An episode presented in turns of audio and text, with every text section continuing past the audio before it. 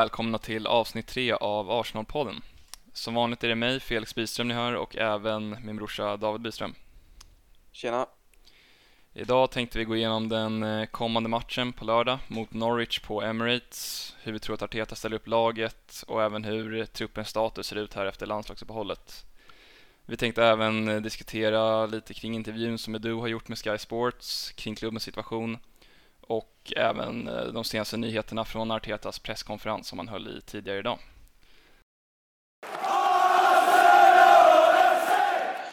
Ja, då tänker vi att vi börjar med att eh, fokusera lite på landslagsuppehållet som var nu då, då. Dels hur spelarna vi har haft ute som spelat sina landslag och deras prestation, men även skador och eh, hur laget eh, nu kommer se ut efter uppehållet. Ja, vi kan väl börja då med Sambi Lokonga som gjorde sin seniordebut för eh, Belgiens A-landslag. Han kom in, eh, eller blev inbytt i 74 minuten och har enligt rapporter eh, imponerade han och gjorde en väldigt bra match. Så det är kul att se att han redan som så ung har, har fått en chans i Belgiens landslag som är, ja, är ju topprankat så det är ju väldigt imponerande att han som så ung redan brutit sig in där i, i A-laget. Absolut, och han har imponerat även för oss när han hade fått lira nu i Premier League i början på grund av partiskador. Eh, så det känns som att om han bara får vara skadefri och får liksom eh, matcher här eh, konsekvent och så kommer han kunna ha en fin utveckling och han har ju alla de här eh, egenskaperna som man vill ha hos en central mittfältare. Han är väldigt kraftfull, bollskicklig, bra beslutsfattande Eh, det gäller bara att han får vara skadefri och får en bra och fin utveckling här men det känns verkligen som att vi hittat en, en väldigt fin talang där. Ja exakt och sen en annan ung talang som redan tar, tar för sig i landslaget är Ödegård som är kapten i Norge och han var ju väldigt imponerande mot eh, deras match mot Gibraltar eh, som de vann med 5-1 där han inte gjorde mål eller någon assist men stod för eh, 12 eh, nyckelpassningar och eh, enligt rapporter styrde spelet väldigt fint och, och imponerade rejält. Verkligen, och jag läste där någonstans att 12 key passes nu kommer jag inte ihåg vilket statistikprogram det är man använder sig av där för att kolla och kontrollera sådana stats men att 12 key passes är den högsta siffran man kommit upp i sen man började använda sig av just det statistikprogrammet och det talar väl för något där liksom om eh, hur kreativ han är och hur pass skicklig han är på den typen av eh, eh saker i matcher. Eh, och som du säger, Ödegård talang. Eh, på ett sätt så, han är ju en talang för han är så pass ung, men han har ju varit med så länge så, och etablerat sig och varit jättebra i La Liga, varit en av de bästa spelarna för oss i Premier League i Arsenal liksom, så att trots sin ålder och liksom talangstatus så känns han på ett sätt också som en men som en stjärna redan nu på något sätt. Och man får ju hoppas att han eh, eh, kan eh, prestera och då tänker jag framför allt på en fin säsong han hade i Sociedad i La Liga så som han presterade den säsongen nu för oss för då kan han verkligen vara en av våra bästa spelare och en av ligans bästa spelare. Ja, det att han har rutin, att han är kapten redan i landslaget visar väldigt mycket på det så, så det har du väldigt rätt i när du säger så. Um, och utöver det så har vi även Saka som uh, spelade för England. Han gjorde ju ett mål och eh, två assist och blev även utnämnd till, eh, till man of the match i, i matchen han spelade. Um, och jag tror han har totalt uh, tre eller fyra nu man of the match insatser redan i Englands landslag så han tar verkligen chansen när han får spela där um, i ett så stjärnspäckat lag. Ja, och jag tror det var på hans födelsedag om jag inte minns helt fel, så det var en perfekt eh, födelsedagspresent.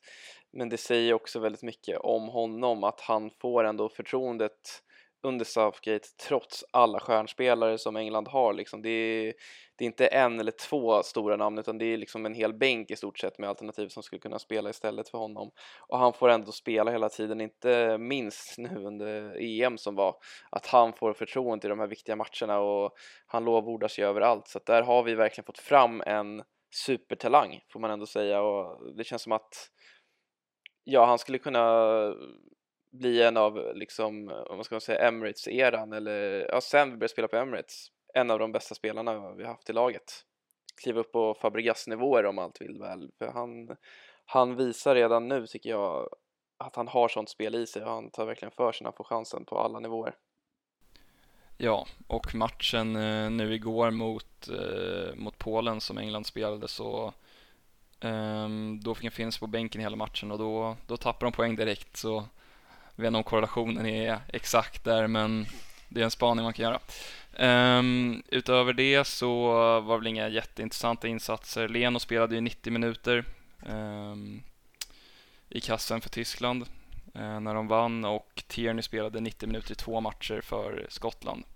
Och det är väldigt fint att se med tanke på hur få matcher Tierney egentligen har uh, fått spela 90 minuter uh, i sin Arsenal-karriär. Arsenal och det är fint att få se han spela nu utan problem och förhoppningsvis kan han hålla sig hel under majoriteten av den här säsongen. Ja, det känns ju nu som att han är lite kvitt i alla fall de här små skadorna som drogs upp hela tiden och att det mer är eh, Ja, om han blir skadad nu, då är det som för vilken spelare som helst att han ska ha otur eller gå in i någon duell hårt eller klumpigt. Eh, och det är väldigt skönt att se att han klarar av att matchas mycket och att han spelar mycket utan problem. Eh, för han är verkligen en av våra viktigaste spelare. Ja, definitivt. Och när vi ändå snackar om skador kan vi gå igenom de som har kommit tillbaka från skador eh, här under uppehållet och som förmodligen kan starta mot, mot Norwich på lördag. Och då har vi ju Gabriel, White, Partey och Enketia som alla är tillbaka nu i full träning och är redo för match. Och det bekräftade även nu Arteta under eh, presskonferensen. Eh, de enda som egentligen kommer missa då verkar ju vara, eller som bekräftade att missa är ju Xhaka och Elneni, Xhaka som är avstängd här i, i, tre, matcher, eh, i tre matcher och avtjänar den första då eh, här på lördag och sen har vi Elneni som har eh, sträckt baksida lår tror jag det var och han kommer vara borta från träning i två till tre veckor. Ja, och det är väldigt skönt att se, ja, framförallt Partey kanske, men eh, även att vi har nu vad det verkar vårt ordinarie mittbackspar tillbaka. Och det ska inte underskattas för då har vi liksom dels då Whites fina passningsfot som kommer vara enligt alla experter men eh, även enligt oss någonting som gör extremt stor skillnad i uppspelsfasen. För det såg man också mot Brentford, man såg det mot Tottenham i den här eh, försäsongsmatchen att han har ju den här egenskapen som Chambers inte har, Holding har ibland, eh, men att bara kunna dra en hård passning upp mellan linjerna, upp till våra mittfältare liksom, för man ser det såg man förra säsongen att Ödegård han kliver ner ibland och vill ha boll eller en av våra andra centrala mittfältare som vill ha boll men inte får bollen. För det måste gå snabbt där, man måste hitta den passningsvägen fort och det har ju White verkligen i sitt eh, skåp, eller man säga, in his locker, att slå den passningen snabbt och med kvalitet och det över tid lär ju verkligen förändra vårt spel när han, eh, om han får spela mycket. Och sen har vi Gabriel som kompletterar honom bra i och med att Gabriel är mer fysisk, han är stark, snabb, lite mer bra allround back. Så det paret, om det får sätta sig nu, känns eh, otroligt viktigt. Ja, precis, och de eh, uppfyller ju de kraven också som Arteta har på sina mittbackar. Att en är, eller ja, de är båda passningsskickliga som du sa, framförallt White och sen har vi en som är vänsterfotad i Gabriel och en som är högerfotad i White. Um, så det kan, man kan ju inte liksom överskatta hur viktiga de kommer vara för vårt spel. Och sen Partey som jag tror att vi är eniga i och som alla håller väldigt högt men att det är ju i stort sett vår bästa spelare, framförallt nu när Aubameyang inte är i toppform. Um, så att han kommer tillbaks är ju oerhört viktigt. Och sen Eddie, han lär ju inte starta, uh, Eddie Enketia då, men är ett bra alternativ från bänken att komma in med sin fart och han är väldigt fin i pressspelet framförallt. Ja, eh, det är ändå eh, på något sätt när man såg han under försäsongen fick han lira i alla fall någon match, kanske några matcher som ytter mer. Och det känns som att eh, kanske likt Gabriel Jesus som har fått göra det i City att man väcks till liv lite på nytt igen och kanske att den rollen som ytter passar honom bättre för han är ju snabb, han har ändå ett fint avslut och tar sig till avslutslägen och tar liksom gärna skott till skillnad från kanske ja, med andra spelare som hellre väljer att vika in en extra gång eller söka inlägg så har vi en Ketja då som är lite mera men spetsig och kantig där. Eh, så att, att ha han och kanske slänga in som ytter då istället för som striker kanske kan vara ett fint alternativ eh, känner jag. Ja, absolut och på framförallt vänsterkanten så har vi inga jättetydliga alternativ heller. Vi kommer väl in då på kanske att Smith Rowe förmodligen kommer starta där eh, på lördag om han nu eh, är frisk men utöver honom så har vi Martinelli och Eddie i stort sett som kan spela där och Aubameyang då. Även om eh, jag tror de flesta håller med om att man hellre vill se honom gå in som nia. Ja, det känns som att det kommer bli så nu med Auba att han kommer vara nia och så blir det förmodligen Saka som får lira på vänsterkanten kanske nu då till helgen och så kanske eventuellt Peppe på högen om Smith Rowe nu inte kan spela. Kan Smith Rowe spela då får ju Saka kliva ut på högen som han vill. Eh, men eh, Saka började ju, när han slog igenom lite för oss, var ju ja, dels som vänsterback men han körde även en del vänsterytter då och gjorde det bra. Han är ju så pass, vad det verkar och det man sett, så klok och spelskicklig och liksom har bra vision och allt vad det krävs att spela egentligen eh, överallt. Ja, exakt. Han är ju oerhört tvåfotad också så han kan ju spela på båda kanterna utan problem. Um, ja, Smith Rowe är ju inte det enda eh, frågetecknet och det var ju även något som Arteta snackade om här under presskonferensen. Eh, att han har varit sjuk men, och inte mått så bra, men det är inte covid och det finns en möjlighet att han hinner återhämta sig helt och kan starta eller, eller i alla fall vara involverad eh, på lördag. Och utöver det så har vi även Zambi eh, Lokonga då som ja, det var väl lite samma snack kring honom att han har inte mått så bra och det var därför han inte var med i Belgiens senaste trupp här, deras senaste match. Ehm, men att det inte heller verkar vara covid där utan att de bara har eh, mått lite sämre. Men vi får ju verkligen hoppas att um, båda de kan spela, men framförallt kanske Lokonga då eftersom att vi saknar både Xhaka och Elneny nu. Um, så behöver vi ha någon partner, partner till parti. Exakt. Eh, jag tänkte också på det där med, eh, vi pratar om White Gabriel, vi har Tierney, så den delen av backlinjen känns ju klockren och förhoppningsvis så kan den, eh, ja men så kan Tomiyasu som är tänkt att vara den sista pusselbiten där kliva in ut i helgen. Man pratar ju om det, Arteta pratade om det på sin presskonferens att man måste lösa ett arbetstillstånd till honom så att han får spela och liksom, vad ska man säga, jobba i England. Eh, och det får vi hoppas. Han eh, har enligt rapporter, nu såg inte jag Japans match här under landslagsuppehållet, men enligt rapporter så var han ju väldigt fin där och körde mittback har jag för mig va? Ja, han utgick som vänster mittback där och det, var, det sa ju även nu Arteta under presskonferensen att eh, han kan spela i stort sett alla positioner i en backlinje på grund av att han är verkligen tvåfotad, han är liksom snabb, han är stark, han är tekniskt kompetent så han han kan gå in vart som helst men eh, framförallt så kommer han erbjuda något nytt eh, menade Arteta eh, på högbackspositionen. Han erbjuder något som vi inte har haft där innan. Eh, så det låter ju på honom som att han kommer användas framförallt som högerback eh, och sen får vi väl se då som du säger eh, om det här arbetstillståndet går igenom. Ehm, de skulle försöka fixa det eh, senare idag lät det som så förhoppningsvis blir det inga större problem kring det. Ja, och där får vi se. Det är det man är lite, jag tänker med Tomiasso, lite rädd för där. Äh, du pratar om att han kan användas överallt och det låter ju som en dröm verkligen. Äh, att ha i en backlinje den typen av spelare som man kan pussla in lite överallt. Men då är frågan om det blir liksom en Monreal-spelare som gör det grymt som mittback, gjorde det bra när han fick spela mittback eller om det blir lite som Lichsteiner när han var hos oss som också var lite den eh, typen av spelare som jobbade hårt och kunde vara lite överallt men som helt enkelt var för dålig bara. För eh, det är lite det som blir eh, det intressanta med Tomiasso, det blir ju hans nivå. För att han har nyckelegenskaper och att han är taktiskt kompatibel på alla positioner, det verkar ju vara någonting som är eh, liksom som alla håller med om men det är det, frågan är hans nivå. Eh, det blir spännande att se hur pass bra han faktiskt är. Om han klarar av liksom, ja men att spela ändå i, i en stor klubb i England och den pressen och eh, tempot i Premier League och sådär. Ja, och det kan man aldrig veta förrän man har sett honom spela. Men eh, tanken är väl att han ska ha lite av de bästa delarna av våra tidigare mittbackar, som, eller ytterbackar snarare, som alla är begränsade på något sätt. Beirin har ju har ju farten men inte tekniken och Chambers har tekniken men varken farten um, eller liksom uh, det, en styrka i det positionella spelet och Tomiyasu ska väl ha båda de delarna. Um, sen om det bara är, är snack nu på förhand, det, det får vi se.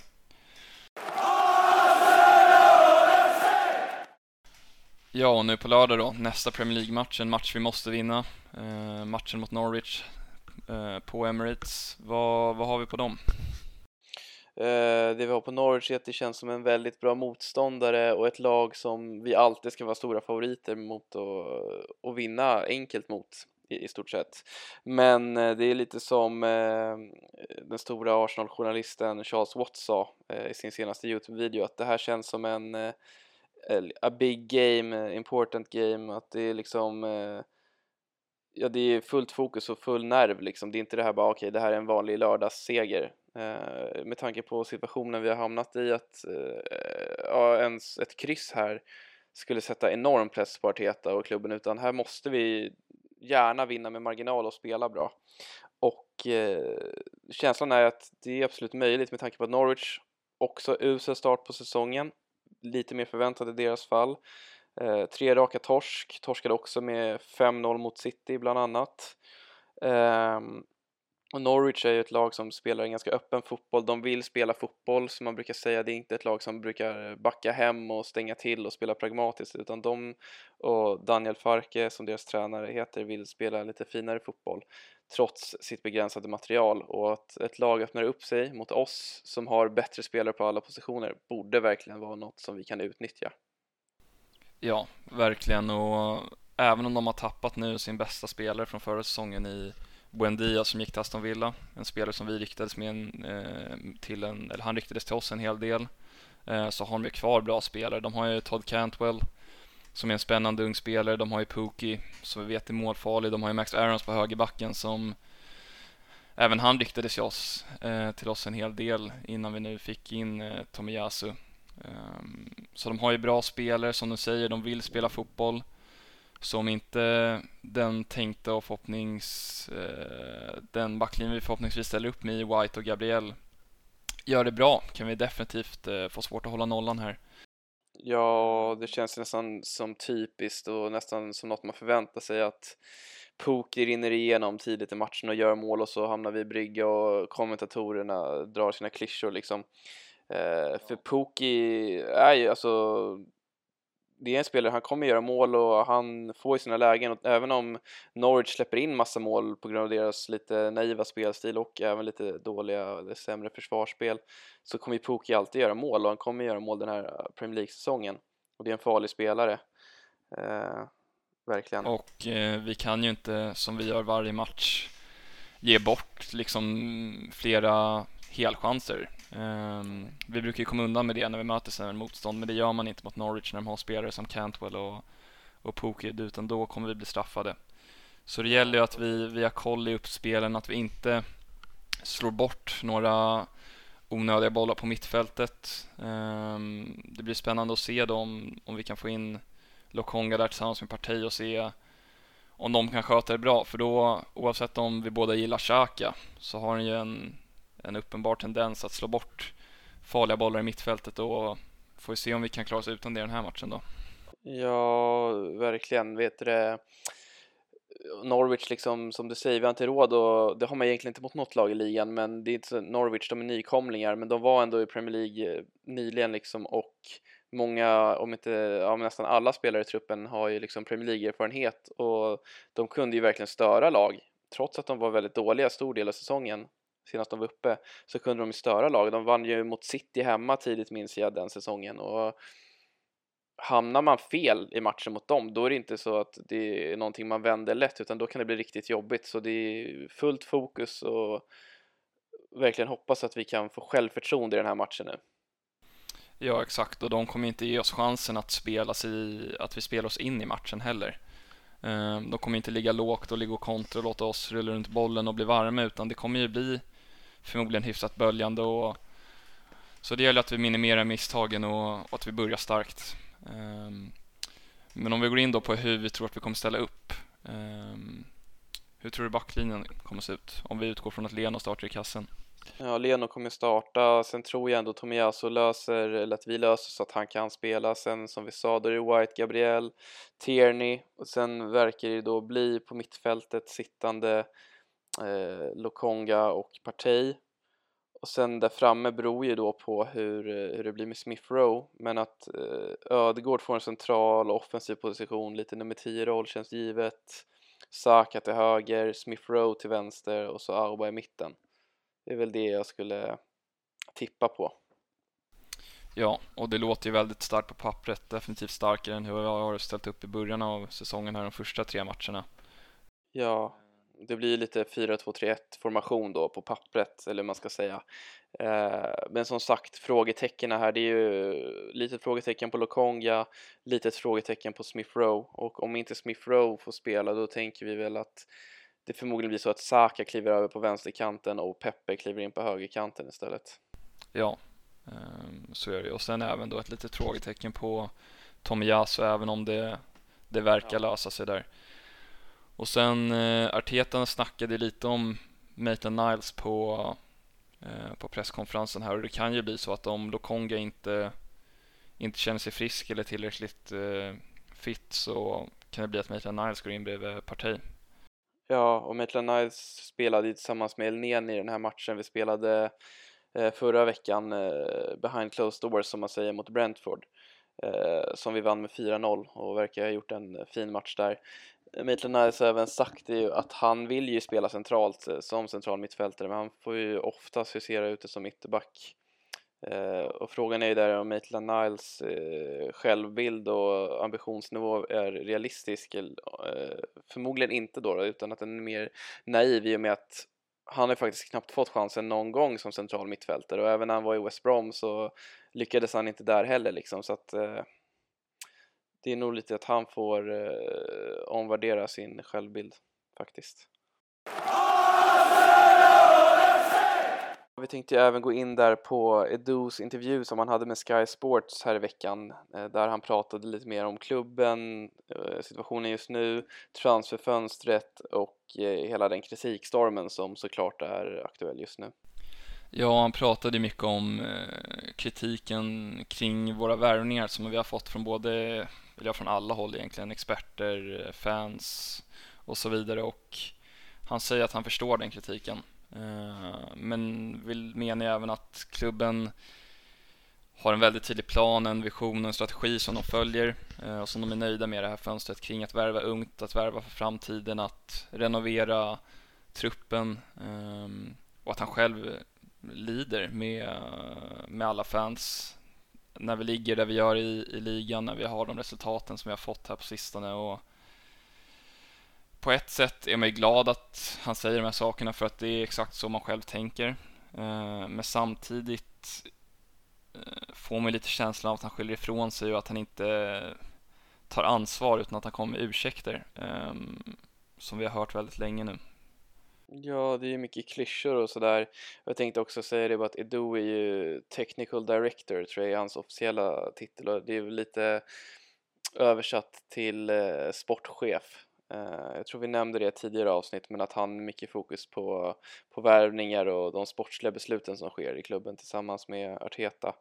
Eh, när jag lyssnade på den här intervjun så det jag fastnade för framför allt som jag tror att många måste förstå och acceptera om man nu ska stödja Arteta och Edo det är att han sa det, ja det här är ett fönster eh, med de här unga spelarna men om vi kollar tillbaks på förra säsongen så förlängde vi kontrakt med Saka, Martinelli, vi förlängde med Smith Rowe som alla är unga spelare, nu värvade vi bara unga spelare eh, och att det handlar inte om nu utan det handlar om det här fönstret, nästa fönster, fönstret efter det och att det är en process, eh, processordet som man kanske har blivit lite trött på men det är faktiskt så det är eh, och att vi bygger för framtiden och att han såklart att Arsenal måste, att han såklart säger det att Arsenal måste ju tillbaks dit där vi är hemma.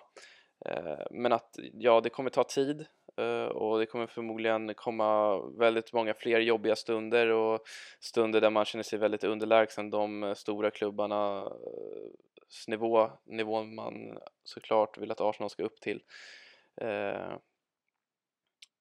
Och att då är ju frågan liksom om, eh, om klubben eh, kommer ha det tålamodet. Fansen till stor del kommer nog inte ha det tålamodet. Så vi får se helt enkelt om den här taktiken de har valt, eh, om den kommer hålla. Det, jag är inte helt säker på det, men jag hoppas det. Ja, det man verkligen kan hålla med om honom om är väl att vi har haft en tydlig strategi. Och det är ju något vi har pratat om i de tidigare två poddarna att vi har valt att värva ungt och Eh, att alla vi har tagit in är under 25 och sådär som du säger. Ehm, sen ursäkterna han kommer med är väl de som vi också har tagit upp tidigare att vi inte har fått tid att spela ihop oss med hela laget som han uttrycker sig och att det är så många nyckelspelare som har varit borta i skador och vi har haft covidutbrott så att det gäller nu. Som vi har sagt, det känns lite som kaka på kaka när man säger det men att det är nu efter uppehållet säsongen måste få en ny start. Det är nu vi måste börja vinna matcher och ta poäng. Det är exakt det som Arteta sa i sin konferens tidigare idag också som man säger i varje konferens känns det som att eh, det enda vi behöver göra är att vinna fotbollsmatcher och det är det enda som spelar någon roll. Um, ja. Och ja, det är, ju, det är ju som du säger, som orden som process och så har man ju blivit lite allergiska mot nu för vi har hört dem, jag vet inte hur länge, eh, två, tre år, eh, gång på gång och man börjar trötta på det men fortfarande har man hoppet eh, om att det kan vända nu och att det är nu med det lättare spelschemat, mer nära, eh, mer fullständiga truppen, eh, att vi kan få igång det. Ja, det här skulle absolut kunna bli liksom vändpunkten. Eh, eller vändpunkten, alltså när man blickar tillbaka på den här säsongen skulle det absolut kunna bli så att ja, vi hade den där tuffa starten där vi faktiskt mötte Chelsea och City eh, som mycket väl kan vara liksom lag 1 och 2 när man summerar ligan i slutet av säsongen. Eh, men att sen så när vi fick lite enklare schema, fick igång laget, fick tillbaks skadade spelare att ja men det såg ju faktiskt bra ut och vi började vinna matcher och liksom Eh, det känns som att många har dömt ut laget, säsongen, Arteta, Edo redan nu och det känns lite oseriöst. Eh, jag förstår kritiken och tveksamheten med tanke också såklart på hur det såg ut i slutet av förra säsongen eh, med att vi missade topp 6 och åkte ut i Europa League. Eh, men nu är det ny säsong, nya värvningar, nu kan det verkligen vända så det är bara att hoppas att alla kan komma in med den inställningen eh, runt om laget och stötta och sådär, för det kommer vi göra. Ja, verkligen. Och det tuffaste för Duo och Arteta nu är att eh, det inte finns några marginaler kvar. I en idealvärld skulle ju Arteta behöva tid med de här nya värvningarna, liksom den nyrenoverade truppen och den nu fullständiga truppen att lite tid att liksom få igång spelet, att kemin skapas där som han själv sa under presskonferensen. Um, men det finns ju liksom inte tid för det nu utan nu är spelarna tillbaka och det gäller att få resultat direkt. Um... Ja, och det känns som att han och Edo är båda medvetna om det. och Det känns inte heller som nu vet man inte exakt, men den bilden man har av Arteta är ju att han inte är den som viker sig under press nu, att han är väldigt medveten om situationen och vad som krävs så att han, han kommer nog eh, att växa med det som är nu, den här jobbiga situationen och liksom eh, göra det till något positivt med all den här stressen. Att han inte viker ner sig. Sen får vi se om det räcker.